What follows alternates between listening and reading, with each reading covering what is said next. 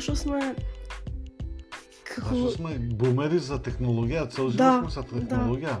да. Па н- ние сме, веројатно ова више зумовиве тотално не не изместија.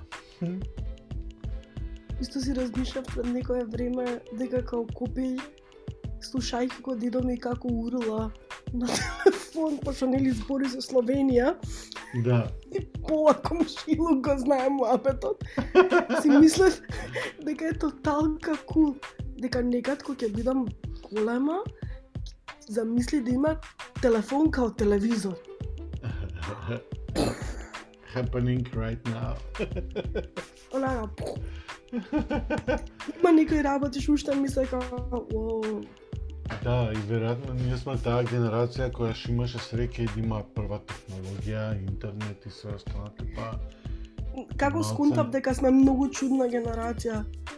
Имам братовчет што е 14 години помал од мене. Во суштина имам двајца братовчети, двајцата се значително помали од мене. А овој што е 14 години помал од мене, седи ми правиме муабет, ја му раскажувам као нешто за како било, не знам, за на факултет што сум правила или не знам, некои истражување што сум правила. И му викам, после се конектираш на интернет, и ми вика како мислиш се конектираш. А така викам, одиш онлайн. Како ми вика, одиш. И се седам и го гледам, и он ме гледа. Избуната сум, пошто не ги разбирам прашањава. И ми требаше онака пар време да сконтам дека он никад не бил офлайн. апсолутно. Дека за него офлайн е нема Wi-Fi или ти текне нема кабел. Да, и као ти текне онај трол, трол моментот Instagram is down, show me your tweet your food, така да тоа е, тоа е реален муавет. Али да, Ама- денешните деца се раѓаат со интернет. Ама он не е Интернет. дете човече, он има 20 и кусор години, разбираш? Да. Он не го искусил а, трештењето на модемот у 12 Не, вечер. леле, и покривање со перници. Да, како ти пишти. Да. И онака у 12 вечер и го покриваш со перници, ама стратешки. Сакаш за Да. минимум саунд, ама па и да не го гусиш компјутерот, пошто му треба воздух. Не, пошто позади оној пропелерот, што е Да, да, да. уствари за матичните. Нормално, пошто тогаш не има компјутери како денеска. А па после, а, а, ја кога го продолжив кабелот, ја му кажувам, моите, пошто дремев на нет, и нормално сметките беа, не ќе да зборам. Каб, кабелот у фрижидер за дубоко. Лела, лела. Не, татко ми доби соломонско решение и го пребаци компјутерот од дневна. Значи бев онака апла миленијал. Ти текнеш со компјутерот и интернетот од дневната до телевизорот за сите да те гледаат дур сурфаш. Леле. И а, нормално после 12 апсолутно не смееше да сида на интернет. Или да сида на интернет без твоите да те гледаат, и текне. А тогаш беше најефтино. Тоталка беше најефтино. Само тогаш можеш да си дозволиш после 12, иначе после твоите ќе те заколат. Нормално. Нема И одма. тие сметките беа ненормални. Како год, муабетот ми беше модемот у тој период, модемот беше башка направа, значи башка кутија од кукиштот од компјутерот. И јас сконтав дека ако го Да. одвоиш модемот од компјутерот, а сепак е врзан со кабелов, можам да го одвојам од која ќе урла ти текне, да не го чујат моите. И со кабелот го носев модемот у WC, го покривав стратешки со перниците, за кога каа, ти текне звуците вонзамни која ги вади, да не се слушаат. И после татко ми нормално ми го пресече кабелот со ножица. Нормално, сметката да. Тоа е стигна. вајда Тоа е вајда ISDN мо- модемите беа тие, или не? Не, ова мислам дека пред ASDN. Пред ISDN. Тој беше оној беа- класичен dial-up. Да. ISDN од модемот беше и да си на интернет и да те бараат. Така Да, многу беше јако. Да, тоа беше као... А муабети, а муабети на комшиката. Че сакаш да се јавиш кај другарка ти, а Двојник. комшиката раскаже рецепти со запршка и остали ствари, ти си онака као Зашо? Зашо мене ми се падна тетката? Зашо, например, не можеш да ми се падне, не знам, вработениот чичко што идва е дома, ти текне? Да, да, да, скрос, преако. За сите вие што го слушате ова, ова се Endless Talks со Индоки со мири, мири нема шанси да сте утнале во Скопје. Тоа е една легенда. Не видина. Една година беше на 200 свадби и имаше кривено хаштаг свадба forever, значи едно социјално битие кое што секојаш има што да разговара. Меѓутоа, Мири денеска живее во Стокхолм и Да, да, и селенички джубокс. Екселинички джубокс, исто нашата втора омилена емисија. да, ја, ја ептем имав желба еден период да емигрирам и да се јавам ни селенички джубокс и да ги поздравам луѓето на да пцувам на телевизор. Значи, таман се исели фија укина. Ја укина, е, нишок. Нема веќе. Ке мора да ја уклучат пак. Добро Многу дојдовте ќе во... беше јако, со каде сте македончиња. Леле, се сикавам еднаш кога пишат на Фейсбук да не сте помислиле да ни ја депортирате диаспората и ти ми пиша Индок, ја ке родам дете, а туку Стокхолм има еден со сигурно прекрстено името у, у село некој Александар Македонски се вика. Значи, вака, Тико, ликот е прва генерација македонец. Значи, first generation born. Што значи тоа? Тоа значи дека неговите дошле од Македонија, исто ко керка ми, и се преселиле во Шведска, го добиле него и го крстиле Александар. Which is a legit name. да, Дикне, нема практично земја у светот која нема Александар. Александар, И апсолутно. баш ка се исто се пишува, исто се чита, сегде е таман. И фрката е што он живее у Судрталије, така се вика местото, или ја како што милувам да го викам Судрталије. Не се вика така, иначе Судрталије се вика. И он живее у Судрталије. Судрталије е приградска населба близу Стоко, кај што значи соодветен еквивалент на тоа би било може би Скопско и Дризово, пошто се сеќавам дека своевремено кога е граден затворот и Дризово, е правена населба наменска Да, за вработените во Идризово. И па кога е правена фабриката на Сканија, правена е населба, односно никнало со Дрталије, и таму најчесто луѓето кои живеат таму работат во работеле тогаш. Сега има многу луѓе. Таму е многу поголемо него што на почетокот било. И па ликот Александар а, од само нему познати причини го има законски, пошто овде можеш да го смениш законски своето име и презиме буквално е рендом. Значи, попишуваш, попунуваш еден формулар, го праќаш на даночно и толку. Од прилика за 5 до 7 дена ти враќаат мејл дека сега се викаш така и чао. Значи царот го има сменато своето име во Александар Македонски. И тоа не е се.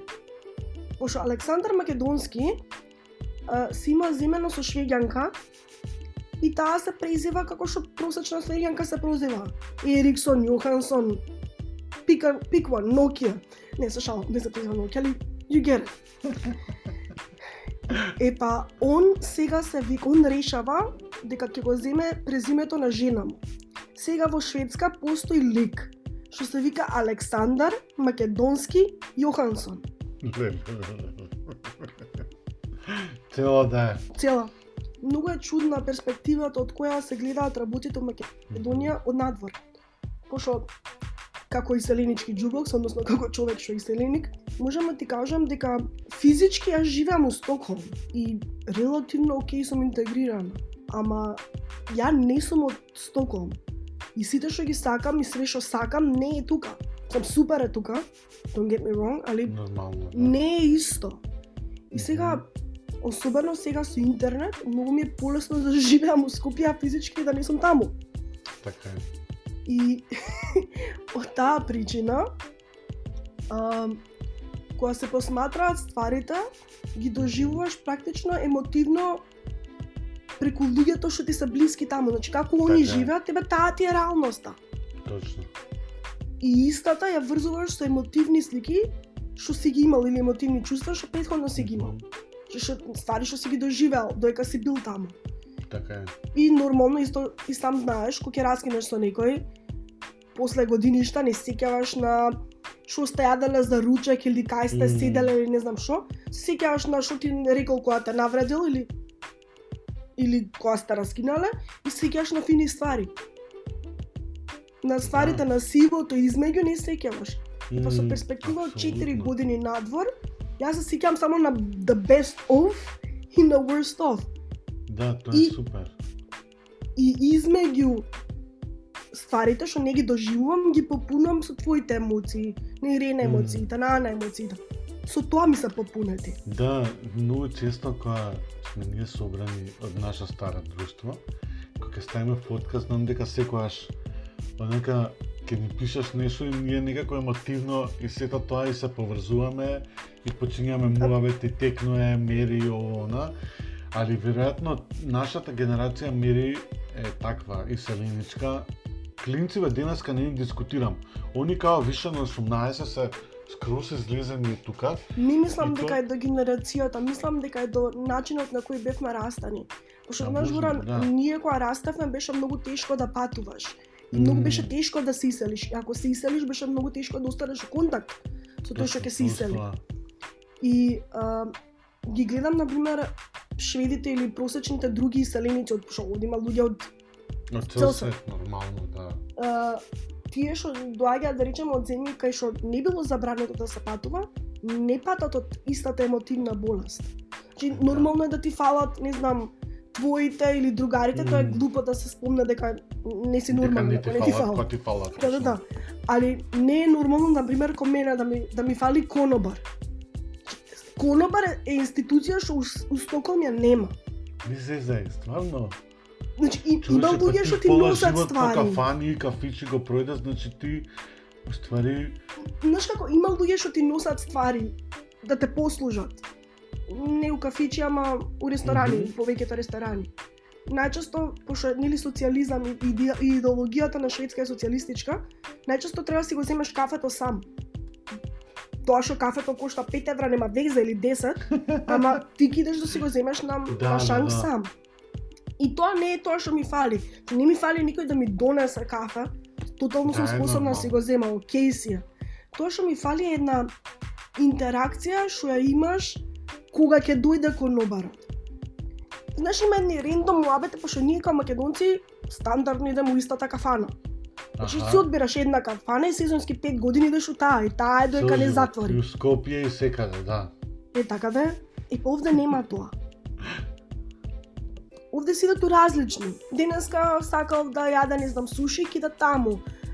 Утре ќе јаде, не знам, италијанско, кида таму. Или кида на кафе у нека ретро хипстер, не знам што да е. Па после ќе иде у органска, па после тоа кида ќе ќе што има мачки галење. Тој еден Мгм. колега мој има отворено кафичка, што има мачки и мораш да закажеш и идеш си ги галиш. О, И спиеш не, кафе. Многу. Да, да, стрес релиф. Вау. Све, све е стрес релиф и health. И да, све е Да, тоа. over, over, over healthy, кажеш. Nothing is healthy, but everything is healthy. Да. Вау. Али муабетот ми беше а, нема тоа, ти фали, ми фали една знаеш, ljudска интеракција со луѓе што реално ги знаеш, ама не ти се најблиските пријатели, пошто најблиските пријатели у реалност не ти се најобјективни. Секогаш гледат на, на твоја страна, секогаш те бранат тебе, секогаш ти викаат не се кире, ќе средиме, затоа ти се другари, ти дикне. А овие што ги среќаваш, например, типот што ти го дава кафето, кафич, што знаеш како се вика, кај завршил факултет, која му е девојка, со која раскинал, како се начукал вчера, тие му абети ми фалат. Значи, едни, една човечка интеракција, тоа нема, ама апсолутно нема. А, Да речеме, живеам у истата зграда 4 години. Јас сум еден од ретките луѓе на кои комшиите им викаат здраво и не сите. И, а, например, има у мојата зграда има дуќанчиња, пошто живеам у шведската лептакарија. значи, такво едно малско на, на площадче живеам. Кај за се просечен швеѓанин? таму, чо? Да, да, шо за просечен свеѓанец е смрт, пошто многу е гласно. Да. Знаеш, многу луѓе има тука. Чим има многу луѓе, тоа е автоматски проблем. Како да, а, значи има кафич, има ресторанче, има сендвичара кај мене пред врата буквално. Мгм. И па тие луѓе ме гледаат секој ден, 4 години, in day in day out. Никој не ми вика здраво. промениш, Ке ги пробаш? Нема. Нема. Да? Трагедијата е што ме, почнаа они мене да ме менјаат. Као озбилно. Као озбилно. Не Као- зезај. Као моментално сум на ситуација кај што оптими, оптимизирам интеракција. Не зезај. Не, знам- не знам како ти објаснам. Нема Вау. нема суштински муабети. Вау, не, no, па не, не. На, тргната сум на темната страна човече. Вау. А, за сите вие што ја познавате Мери, а и вие што сега ја запознавате Мери, значи не за џабе го правиме муабетов и не за џабе спомнав дека имаше хаштаг свадба forever. Беа на 200 свадби оние бизи една утек на две години, including нивната. И да, и ова е навистина чудно. Така да, транзицијски вака малце ни го опиша Мири моментот Скопје, селењето Стокхолм и работите што што ни достигаат у моментот. Може не сум Може не сум Али- ни, целосно фер со Стокхолм. Па не, тоа сакам да те прашам. А, веројатно животот многу се смени затоа што сепак ви имате дете, Да, Можете тоа е да идете на работа. клучните. а Скопје е мал град и као имаш баба, дедо сервис и као можеш и да оставиш М, дете. И Стокхолм не е голем град, значи Скопје е Мгм. горе доле 1 милион, Мгм, да бидеме реални. Стокхолм е со се предградијата 2. Значи нема е, во фреквенцијата на, на во капацитетот на луѓе нема многу разлика. Разликата е во менталитетот и начинот на функционирање. За разлика од Скопје, е, Стокхолм е вистински главен град. Што генерално луѓето немаат време за тебе. Така е, значи- па тоа е, тоа е разликата. Ти Знаеш, балканскиот момент не достига, да. А, например, тука можеш да кажеш и на другарка ти, ајде почувај ми го дете во два сати, додам... Не- Да, исто така нешто, исто да можеш, ама исто така сатев дека е, во Македонија имав е, бајги superficial пријателства. Мгм. Што овде, дали, и не сум сигурна дали дека сум Шведска, или дали дека, дека баш е, генерално сум во таков нечуден него во различен период од животот, што не можам да го споредам со живот у Македонија. Е, не сум имала дете у Македонија. Така И сега поинаков ми бил животот. Тој значајно ќе ми се сменал без разлика дали ќе сум се иселила или не. Мгм. Е, разликата генерално беше ќе беше голема и вака и онака. Моабетот ми беше не мислам дека сум била целосно фер со Стоколм, пошто реално од кога сум преселена или сум трудна или имам дета. Значи, или, Или немаш време. или о, тоа секогаш немаш. Да, Некои работи А. остануваат балкански. да, скроз. Веројатно и многу поише работите, така? Се малце Не. као... Ќе се Не? изненадиш, искрено не. Значи, Е, убавината е што овде работното време генерално е закон. Мгм. Пошто најчесто ако работиш преку времено треба да платат. И не ќе да те платат. И затоа не работиш преку времено. Најчесто. Са нормално треба да си човек и за компаниите за кои, со кои работиш, нели? Нормално. Ако некад се деси, па сега боже мој, ама генерално они имаат разбирање за тебе и ти имаш разбирање за нив. М, Нема притисок да не земеш одмор. Никогаш те притискаат да го земеш, као мора. А, Тоа е социјалната држава што цело време збориме, а? Да, имам, знаеш како, имам многу замерки во однос на шведскиот систем и размислував баги зошто ги имам и зошто само нив ги гледам, а не ги гледам другите позитивни ствари. И сконтав дека е од практично две причини. Едната причина е на, на убавото многу брзо се навикнуваш. Значи многу брзо, значи и се навикнуваш. А втората причина е што овде културата е многу поинаква од кај нас и не се зборува. Не се зборува за проблемите никаде. Као, као, као воопшто.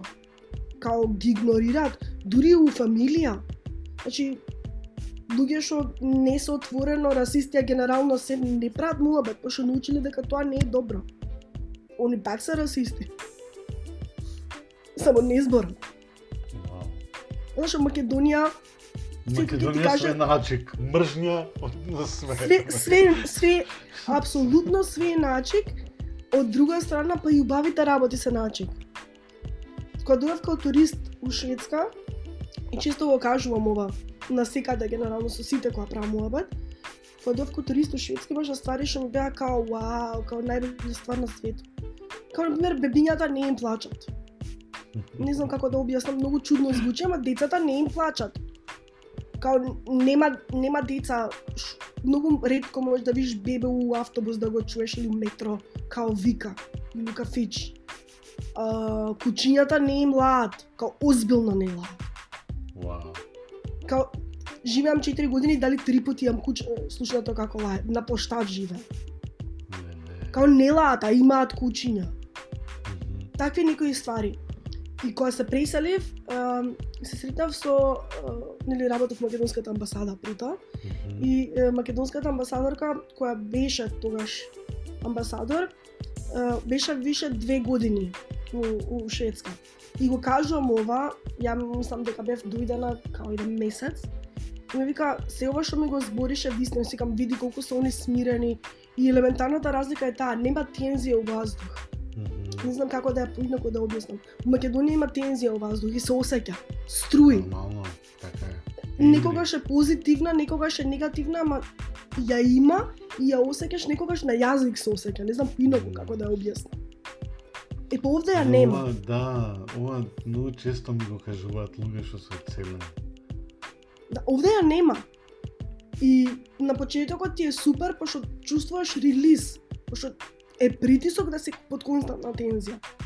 Мм. И после тоа сваќаш дека и, и тоа што она ми го посочи е е, сваќаш дека да кучињата не им лажат, лаат и децата не им плачат, ама кога ќе пројдеш пред луѓешки не викаат деца, не се радуваат, не се смеат, нема джагор.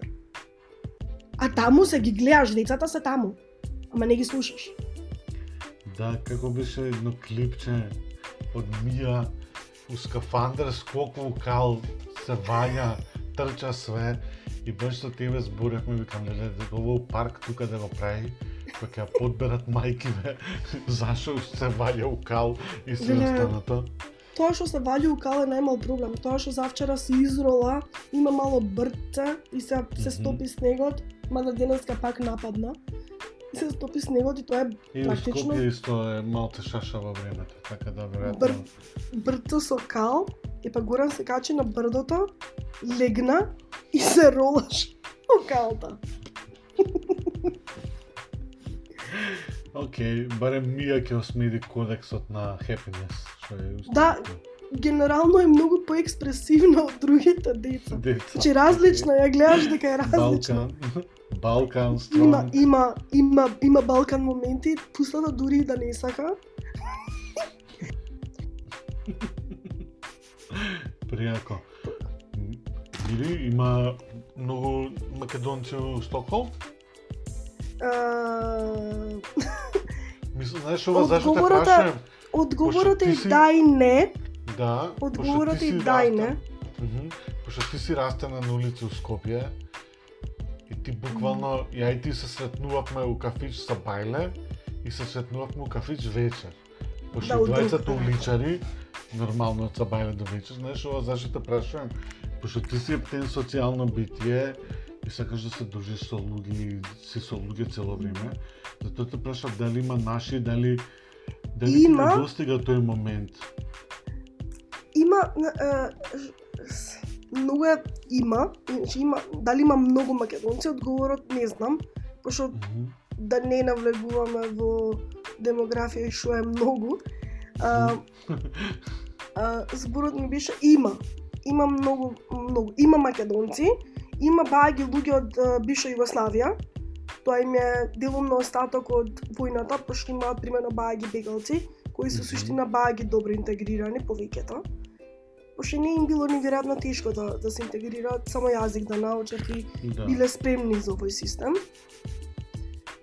а, пошто во истиот нели живееле, растеле и работеле. Така е, да, социјално. А, тоа што можам да ти кажам е дека има нов бран Мгм. на иселеници. Програмери а, кажи, да, сите да, да. програмери. Про, ја ги викам програмерите и жените на програмерите, што е малку сексистички, пошто многу жени има што се програмери, да. which is тачно. legit. Да, which is legit. да, и стварно тоа каква предрасуда е. Мислам дека нема жени програмери, тоа е како ми Овде нема, ама овде нема, као, као сериозно нема. Многу е чудно. Знаеш, мене кога ми кажа на почетокот дека нема, бев збуната. Сад не дека нема ич. Да, Ама, да. например, Македонија има 50-50. Да, а, ако не и повеќе. тука, да. Ако не и повеќе. Овде има и 20%. Значи, например, вработуваат жени девелопери као токен вработани. Знаеш, for diversity. Пошто diversity is a thing. Знаеш, е исто овде е многу чудно што пробуваат да купат или да инфорснат ствари, што на почетокот ми звучаа глупаво и смешно. Од друга страна, ако не го инфорснеш така, како ќе го како ќе го како ќе го Да, Како направиш? ќе го примениш, точно. Како ќе ја израснеш следната генерација практично. Апсолутно, агри. Што е хај по моментов у Стокхолм?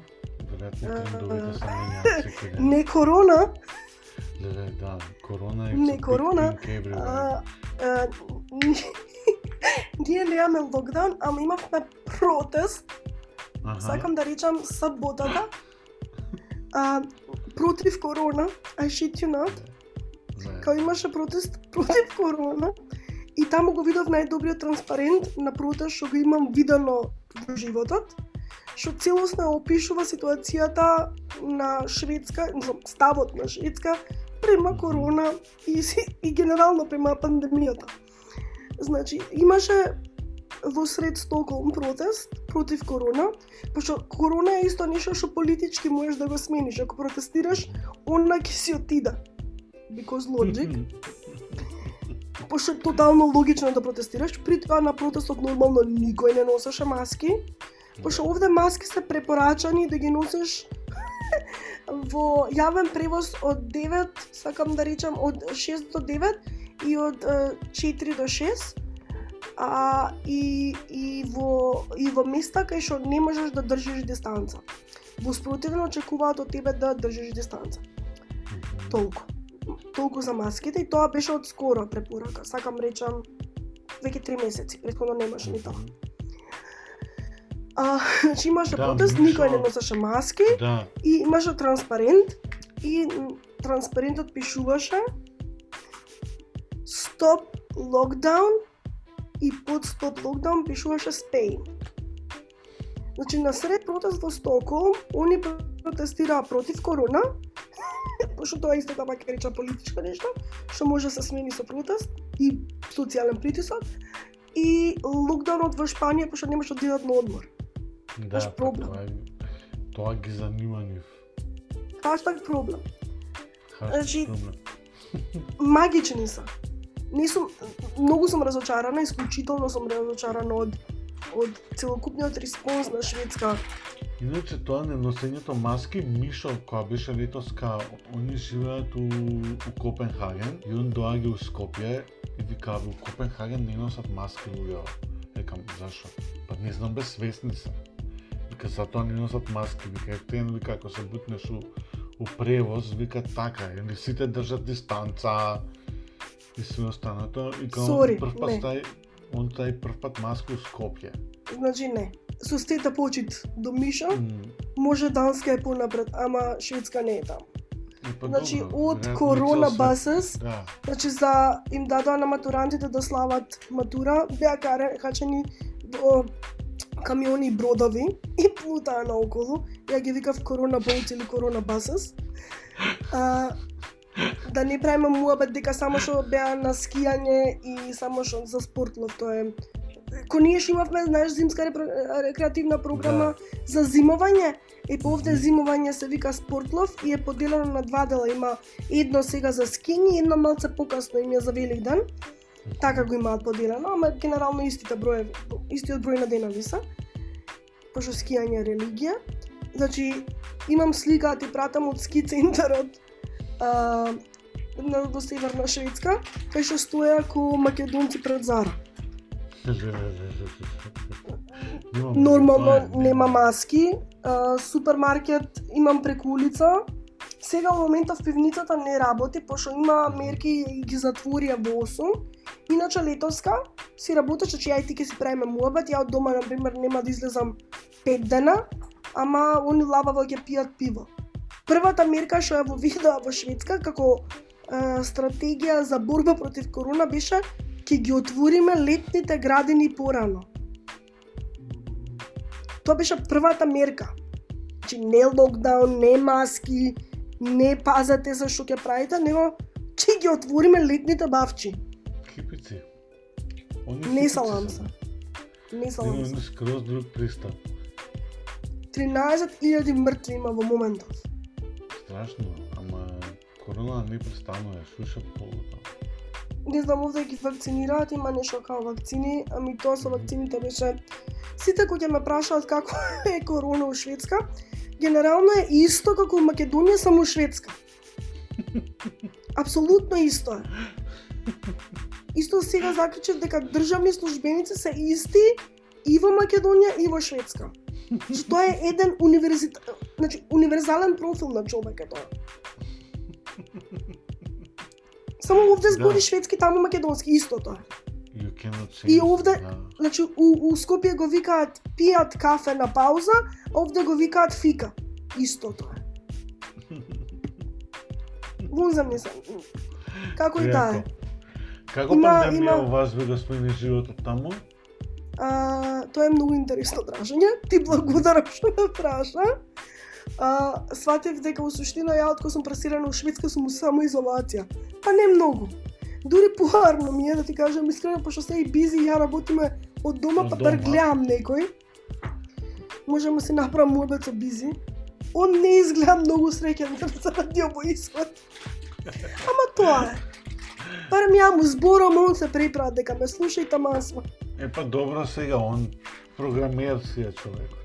Нема тука... Има нешто работа сега. Да, има работа.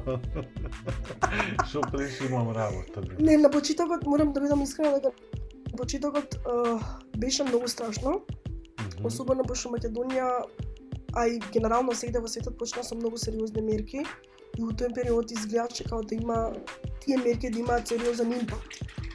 Знаеш, додека овде умира по 100 луѓе дневно, Македонија имаше по 20 заболени. Или у Норвешка. Да. Ајде да не споредуваме, нели? Балкан со а, западна Европа, северна Европа. А, зборот ми беше беше многу ми беше многу страшно.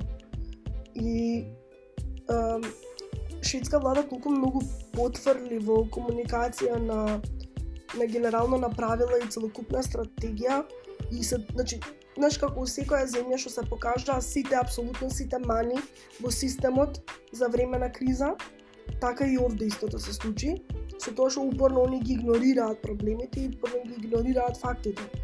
Многу е, многу е чудно. Додека Македонија го прашува Филипче на пресови дали може да реновираат, овде не ги прашуваа ништо. А немаше мерки, као никакви. А, тогаш ја и бизи се затворивме дома, извадивме Мија од градинка. Мија не идеше у градинка скоро два месеци, воопшто. А, од дома А јас из... градинките, така да. работа и работат и сега. Све работи. Градинките реално никогаш не затвори и тоа им беше единствената добра стратегија на крајот на денот испадна, пошто испадна дека среќа де- децата беа најмалце susceptible, нај, нај, најмалце или реагираа на вирусот, најмалите деца Мгм. Со тоа што тоа беше ризик што ја не сакав да го да го превземам да го превземам со собственото дете. Знаеш, они нека тестираат со нивните деца, што да ти кажам, особено кога не те ни прашуваат. Него очекуваат од тебе да следиш. И тоа е тоа што ти кажам, културата на некритикување е многу чудна. У Македонија ние сме учени, барем јас сум учена. Да кажам ако нешто не ми чини или еве сега што се смееме за а, не знам, за чичкото што е на кризен штаб и не знам што рекол или ти текне тоа се муабетите што ние ги правиме. И некогаш се дегутантни и најчесто се смешни или или онака ај доста се нервирам, не ќе да правам муабет. Од друга страна ми се ми се, ми, ми се чини многу поздраво него да не правиме муабет. Пошто овде не е изборот. Као ти Да. кажам на пресконференција искачаат тие што се као главниот епи- the state epidemiologist, односно главниот епидемиолог, пошто овде да министерот за здравство не не ја превзема таа улога, имаат посебна институција за за тоа. Кажува кои ќе бидат следните чекори, односно дека ќе ги отворат летните бавчи. И а, вакво никој не му поставува прашање, значи никој освен странските новинари никој не го прашува, значи од локалните новинари не го прашуваат зошто имате по, ми, зошто имаме поинакви зошто имаме ние поинаква стратегија или зошто сме ние различни од Норвешка или илјаду едно прашање. Мене Уште. спомна body positivity, тоа е као трендинг сега, ти го правиш цел живот. Да. И како како ти изгледа тебе сето тоа движење, пошто ти реално си го правила од секогаш и никогаш не си не си го мислам си го дискутирала, али некако како ти делува што стана мејнстрим, пошто као ти Многу е Секад си се носела со, со, со, сето тоа и никад не било ни представувала проблем затоа што ти знаеш да се облечеш многу убаво, знаеш да облечеш, знаеш да се облечеш и екстравагантно, знаеш да се облечеш и уличарски и све и никад Да. не си и секад никад не си била ниту вулгарна во сето тоа, ниту не знам што, а ова те прашувам за вулгарноста затоа што многу често ги напаѓаат луѓево и тоа мене ме нервира.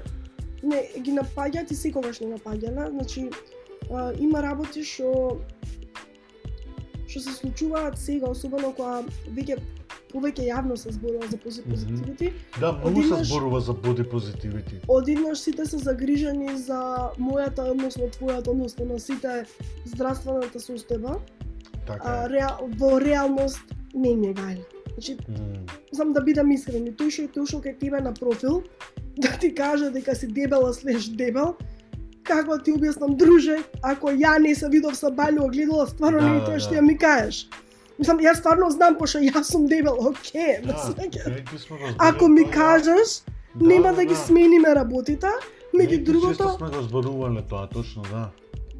значи, меѓу другото, супер, супер што ми кажа, congratulations on having eyeballs. Да, ја не Значи- знам, не знам ништо за себе, да.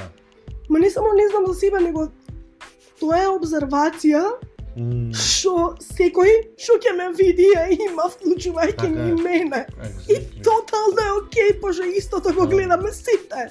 Са ти ако ми кажеш не значи дека не знам. Апсолутно. А, нити па да. дека ќе направам нешто за да ја смени ситуацијата. Мислам Ама, дека види, делот- Некој е комотно му е собственото тело, бе. Ја, например, Ем. кога се здебелив и кога кенкав цело време, и кога ти цело да. време ме, хра, ме охрабруваше као Горан, да, прибери се што ти е ова. стварно требаше да се сакупиш едно време, значи Да. боже, Да, али мири тоа беше посилно, онака ми излага меморија и онака ма, да, Знаеш али мислам дека мене лично ми помага ми помагаат неколку работи. Реалноста е дека ја не растев како дебело дете. м, Значи, ја бев исклучително тонко дете. Као да, е да, ние. да, ми ту. Нити па исто така во реалноста е дека ја не бев ни а, исклучително дебел млад човек. Да, точно. А, така што имав а, баги искуство М, кое ми дава право или можност да уведам thin privilege или привилегија на тоа да си тонок. А, зошто? И зошто верувам дека постои таков тип на привилегија е дека разликата кога рендам лик што не е дебел ќе отиде на доктор и ќе се пожали дека како што јас сум се пожалила да речем во Македонија дека не знам ме болеле колената не е првата работа што ќе ти речат да ослабиш него ќе Да. пробаат да ти ги видат колената Значи, Да. може би ме болеле колената заради тоа што сум била дебела или може би сум имала вода у колена, као што беше во мојот случај. да. Од повреди што сум ги влечела од период кога не сум била дебела. И а, гледав, а, гледам сега некои млади девојки, особено Македонија, а, за за пози, а, прават муабет јавно за бози позитивити или Да. за боди инклузивити.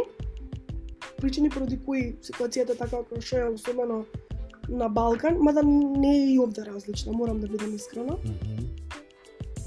А, само пак ќе ти речем разликата овде што никој не ти кажува, Мгм. затоа Пошто што особено фаца. Не дека се гледаат се- нивна работа, пошто научиле дека не треба да ти кажат. Мгм. Они пак ќе те ругаат со другарите. И пак ќе ти ќе договараат меѓу себе и пак ќе ти пишуваат на Twitter, Facebook што да или на TikTok. Ама нема да ти кажат фаца. Македонија и на улица ќе ти кажат. Тетката у лифт кој ќе влезеш ќе ти каже ау што Да. си се здебелил. Сите, сите се загрижени, точно. Да, да, одеднаш се загрижени за твоето здравје, а при тоа реално не им е гајле за тебе. Значи на Да, да, никој да. не му е гајле, особено не му е гајле за твоето здравје. За тоа срцето дали ти работело или притисокот ти бил висок. Значи, Значи стварно не им е гајле, реално не им е Да, гајле. да, И Апсолутно. И битно им е да ти кажат дека си дебел, пошто тоа е нешто што е лошо. Особено тоа е нешто за кое треба да се срамиш. Пошто, например, ја ако се сликам или рендом девојче се слика за било кој билборд, или само постои и носи купачи на плажа, а, ние промовираме а, како се вика тоа обисити или или гојазност, мислам дека еден доктор така го викаше. Исто еден еден да. ог, еден а, многу активен доктор на социјалните медии во Македонија и а, ние промовираме тоа, а например рендом девојче со obviously eating disorder што јаде како ми 1100 калории дневно и тоа го постира на социјални медии, тоа е здрав живот. И сега Да, малце се претеруе, морам да ти признам, многу. И сега- Да.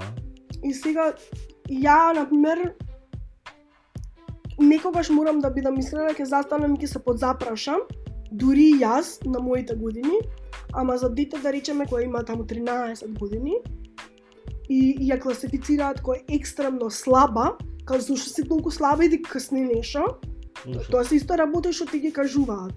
Пошто М, кога си девојче особено не може да си таман, или си многу тнка, или си многу дебела, или си многу а, гола, или си многу облечена. Значи едноставно не може да си само. Се нешто не е окей со тебе и мора да го поправиш. Пошто Да. Ама кој е because- човече? because reasons. Воспитание и... Онака, као... Исто например дали имаш деца, кога планирате деца? Ужас, ужас. Или кога ќе се земете? значи, Ужас. Или дали ќе се земете? Или Да, да, обојство на АЕ? Или чиво е детето? Ама ќе ти Да. кажам, не е само во Македонија, in general. Да. им даваш а, им, им даваш платформа на луѓе од секакви профили со секакви проблеми во моментот. И сега ти рачунај различни луѓе со различни дома, да. домашни семејни проблеми ќе излезат на интернет и ќе ти ќе пишат на таа дека е дебела и дека е треба да умре или да ослабе или за срцево ќе зборат или као потресена сум што има медицински професионалци кои екшели завршиле медицински факултет што што што се расфрлаат со изјави као гојазност, при тоа верувам дека се свесни дека девојката на сликата може да е гојазна од 1001 медицинска причина. Така и може би може не е само дека- може има нешто сосема различно. Ама и да нема диабетис, може да има Ама хормонален Ама дисбаланс, може, може, да сака има да има, може и сака бре да е крупна. и да не сака. Значи муабетот ми може би е физички болна, може би пати Да. од тироида и не може да направи ништо во врска со тоа колку тежи во моментов, додека хормоналната ситуација не се не се среди. И, и медицинско лице што екшели има диплома од факултет во Македонија и има ординација, значи работи ко доктор, дава и се расфрла со совети на Инстаграм кон таа е идва и полнолетна 20 и нешто годишна путрата, 20 годишна и се расфрла како она промовирала обисати. Ужас. Затоа што се сликала за, за, за и ја ставила сликата на Инстаграм. Ужас. А при тоа не е гола на сликата, да не се разбереме погрешно. Сва слика Само што не е гола, пошто ако е гола ќе ја распнат бетер. И па даде, ако е гола, тогаш Пошто купаците сите да и сме- бидат покриени. Да, моралисти милион. Тоа со моралот етиката е многу по, по подлабока, подлага, подлабока тема зашо многу е тешко ти да да бараш морал и етика во морално ру- рудиментирано општество. М, Значи, за кој, за кој морал збориме ако општо прифатено е дека работа на државно е супер. Клати врата, зимај плата. Која тоа ти е целта или да се омажиш и да имаш 5-6 деца или се да не претирам, обично две. Пошто ако имаш повеќе исто е проблем. Да, А, две до три Дотоаш. максимум деца. А, тоа тоа треба да ти е животната да. Ужас. одредба. Ужас. Или не, или не дај Боже, пред некој ден а, колешка од работа ми рече дека овде, значи во Шведска на работа, некоја па друга колешка ја прашала зошто нема деца. Шо да ти кажам? Значи, Мизерија. Мизерија. и мене на пример ме, ме прашуваат сега дали ќе имам повеќе деца. И кога ќе кажам дека не сакам да имам повеќе деца, ми викаат ама мажот ти сигурно сака. И кога ќе кажам дека и он не сака да има повеќе деца, ај ќе се премислите. Как зошто? Значи ме прашај, имам се три чисти ќе ти кажам, може ви да не ти кажам, нели? Порано, на пример, Да. во Македонија многу често ме прашуваат дали сум трудна. Пошо, нели, пошо не знам зашо. И после одредено време ми пукна филм и викав не дебело сум различна. И не знаеш колку им Да. беше им стануваше неизгодно. Затоа На почетокот објаснуваш и после тоа тоа не е прашање што треба да му го поставиш на човек. Че не треба да предпоставам дека одредена жена е трудна по било кој основ. Дури Да, кога има само- стомак до зуби. Да, апсолутно. Крајно неваспитано мери, многу ме нервира Мислам, и пред се дрзнувањето човече, некој да ти Пошто, може. знаеш Горан, ако си дебел, не треба да идеш на, на плажа Да, и пошто иначе како, пошто иначе може да го навредиш со твоето постоење и но и, и начинот на кој си се облекол. Очигледно имало, ја не знаев, ама видиш, имало. Имало га- гардероба за за сите. Танга не било за секој, да знаеш. Кој е дредо? Така да следниот пат кога планираш да носиш танга, да не носи. Да, кој е дредо? Ужас. Среден век. Е, Зборот ми беше за буди, за буди позитивити, има гледам дека има прогрес, пошто М, барем сега се прави муабет. Да, Барем има луѓе што јавно викаат окей сум. Не знам колку се окей, се надевам дека се окей. Пошто и јас се треба, надевам дека се окей. Пошто сигурно не е многу лесно да, живееш со сите тие коментари по Тече, јас сум видел една блогерка видеа на коментари на Инстаграм, сум гледал на некои грозни коментари од девојчиња и тоа, да ти се верува. е па добро да е обавезно, знаеш и сам Да, кога кога Ка- ќе ја кај следуваат зашо зашо што носела. да, шо, шо кај, да, и... Сама си го барала и така Не натаму. ми се, не ми се веруваше мири. Истите жени се. Истите девојчиња се. колку злоба. Не е злоба.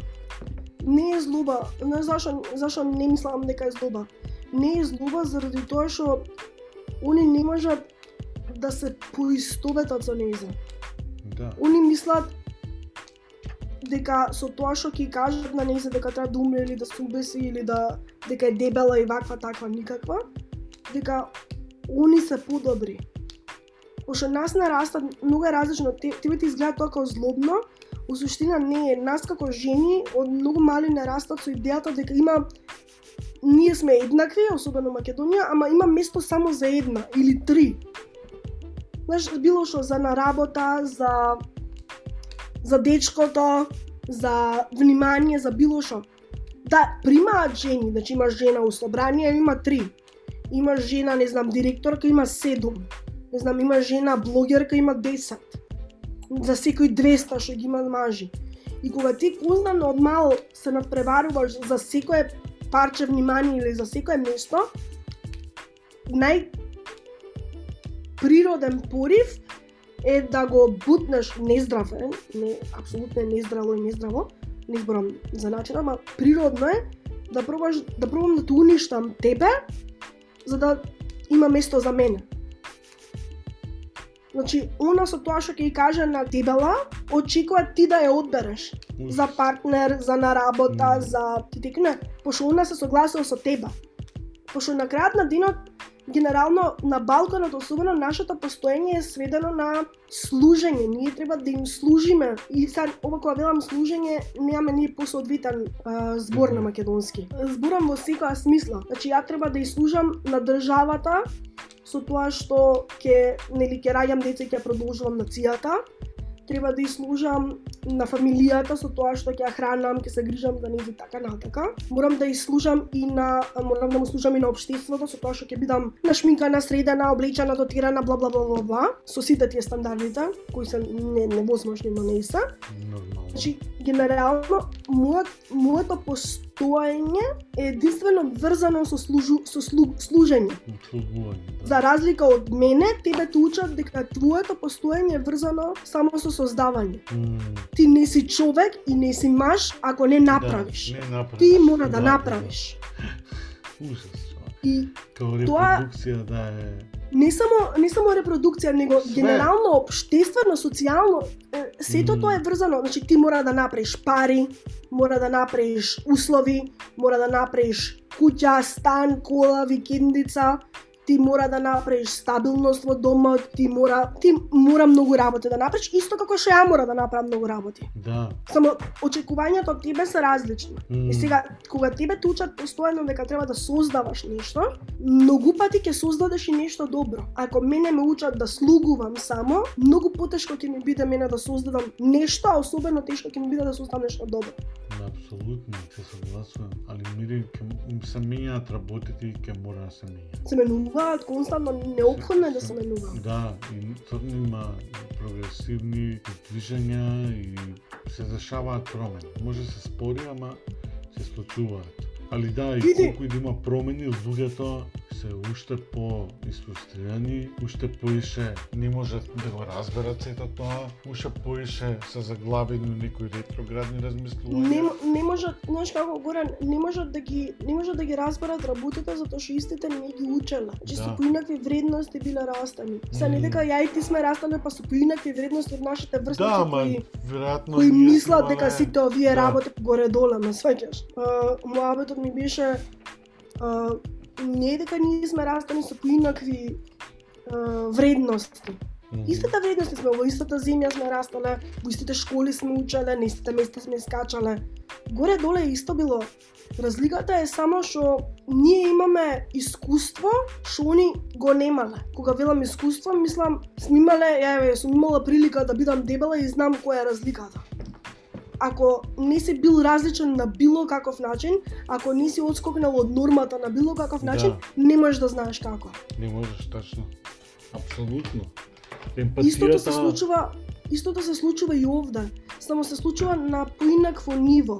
Пак ќе ти речам, овде луѓето не се нешто многу фини или љубезни или може реално се малце пообразовани, I'll give you that, али а, имале прилика да прошетаат, тоа е едната, едната клучна разлика, пошто кога си затворен и кога целиот свет ти е бивша Југославија и Јужна Грција, mm и евентуално Истанбул, до таму можевме да идеме ако не се лажам. Ако без таму ти е без да. визи, таму можевме да одиме. Значи ако тоа ти е целиот свет, ти неизбежно да се среќаваш само со луѓе кои имаат сличен а, outbringing, слично поче, слични ствари, сличности со тебе. Вистина се разликуваме ние, не знам, од србите, бугарите и така натака, ама не толку многу, како да речеме од скандинавците што се разликува. Исто скандинавците се разликуваат меѓу себе, шведите данците, данците од норвежаните и така натака, ама на крајот на денот сите се од Скандинавија. Мгм. Сакам кажам дека разликата, иако очигледна, они имале прилика да прошетаат. Например, стандард е овде ти завршиш факултет, ти идеш да прошеташ и не знам година дена да не работиш, него да шеташ низ светот. Со парите што ќе ти ги дадат од стипендијата од факултет, пошто овде секој добива стипендија.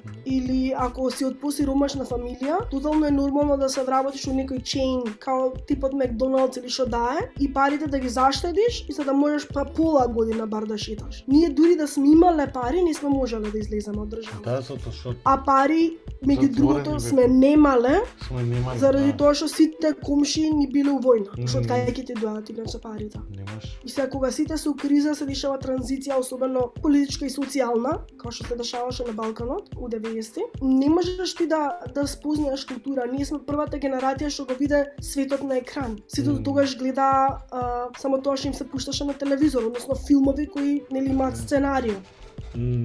Само ние раставме со со симињање, не знам, музика, се секаш колку музика се симнуваше. Да, и сериозно се се минјаше и се слушаше музиката, се серуваше. Затоа што музика, затоа што музика беше нешто, продуцирање на таа или таа продукцијата на таа музика беше нешто што ние локално го немавме. Да, многу така малку- ние- Да, Така ние го гледавме светот. така е. Чути да Исто- видиш таа музиката и филмови, ку знае колку бевме затуцани денеска.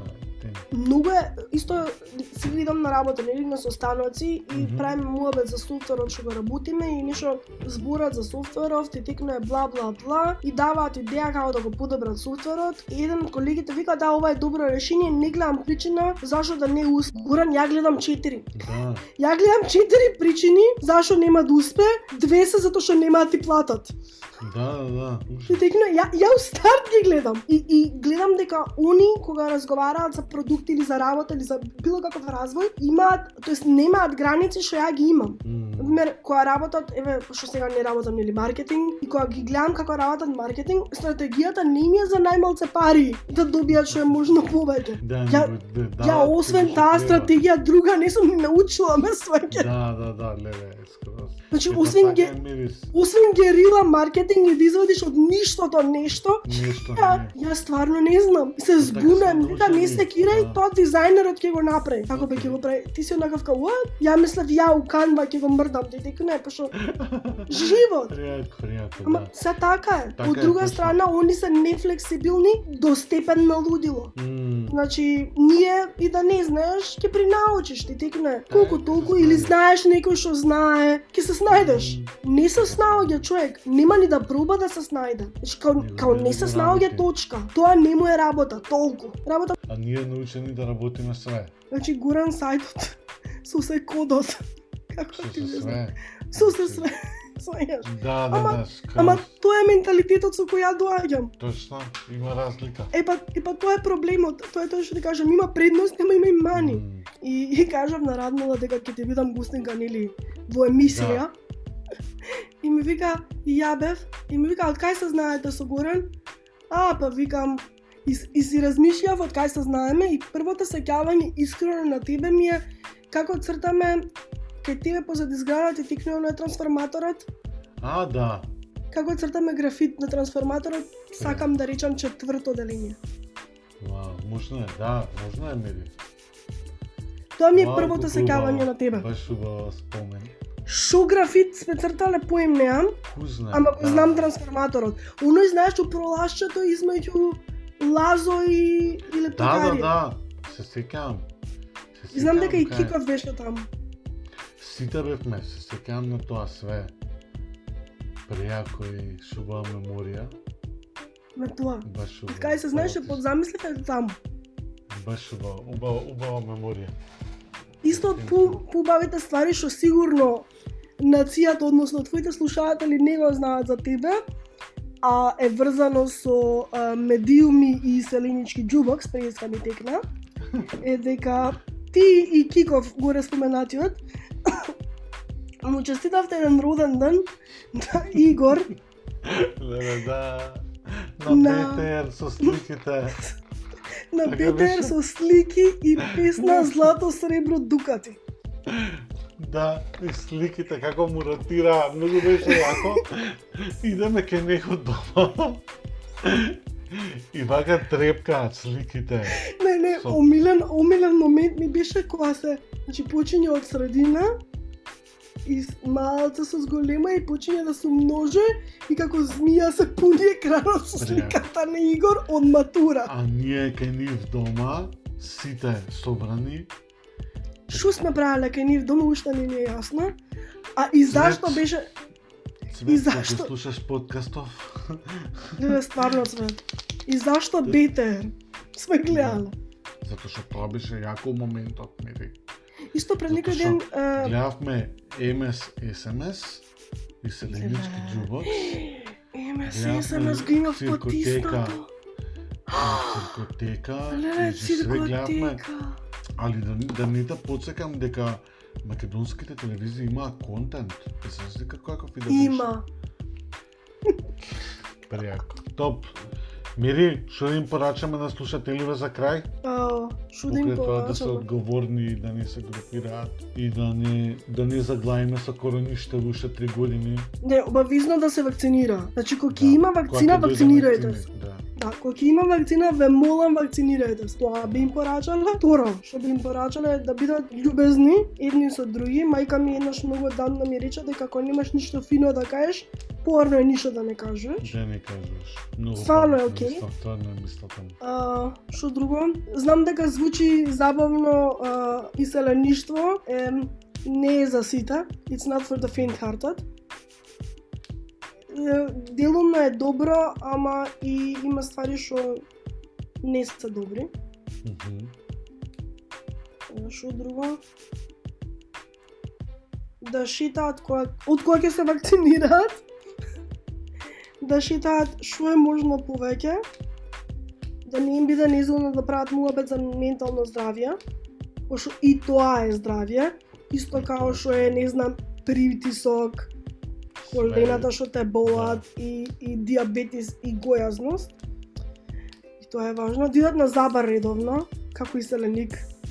Just saying. Значи, овие ствари се глупи, ама стварно се битни. Не, не се глупи. Ја мислам дека луѓето тотално забораваат на све ова. Што друго? Ле, гледате телевизија. Јајте што сакате, колку сакате. Тотално е, ве молам не викајте ле колку се здебелив у карантинов е, слеж гнасна гнасен сум because дебели луѓе не се гласни него само се дебели Така е. И се сладки не мора не, не се сите као сите луѓе што не се сладки, така не Да, сите дебели така е. луѓе не се сладки. Точно. Све е окей, само не се гнасни, само се дебели, тоа е разлика. Да, точно. Ве молам не паѓајте на gender stereotypes, М. иако како cis white female е многу безвезно што ја го кажам тоа. Леле, учете да програмирате сериозно сум, пошто Да. не е забавно на стари години да учиш да програмираш. Да, тоа А бога ми доаѓа време кога се ќе треба да се програмира. да се програмира.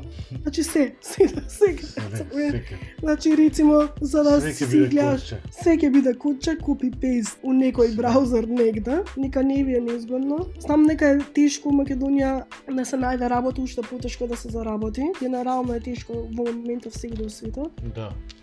Тоа што исто така татко ми ми викаше дека ништо не е вечно, та ни убавото, та ни грдото, така да и тоа не е вечно. Не знам, бидете среќни, многу е битно да сте среќни. Сакајте се, звучам како хипстер од Содор.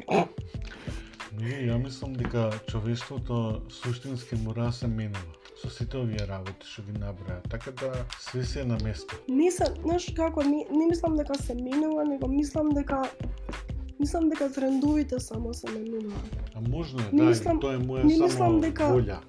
Не мислам дека луѓето реално сега се подо, повеќе ментално здрави или ментално болни, него само повеќе збораат за тоа. Да, за тоа.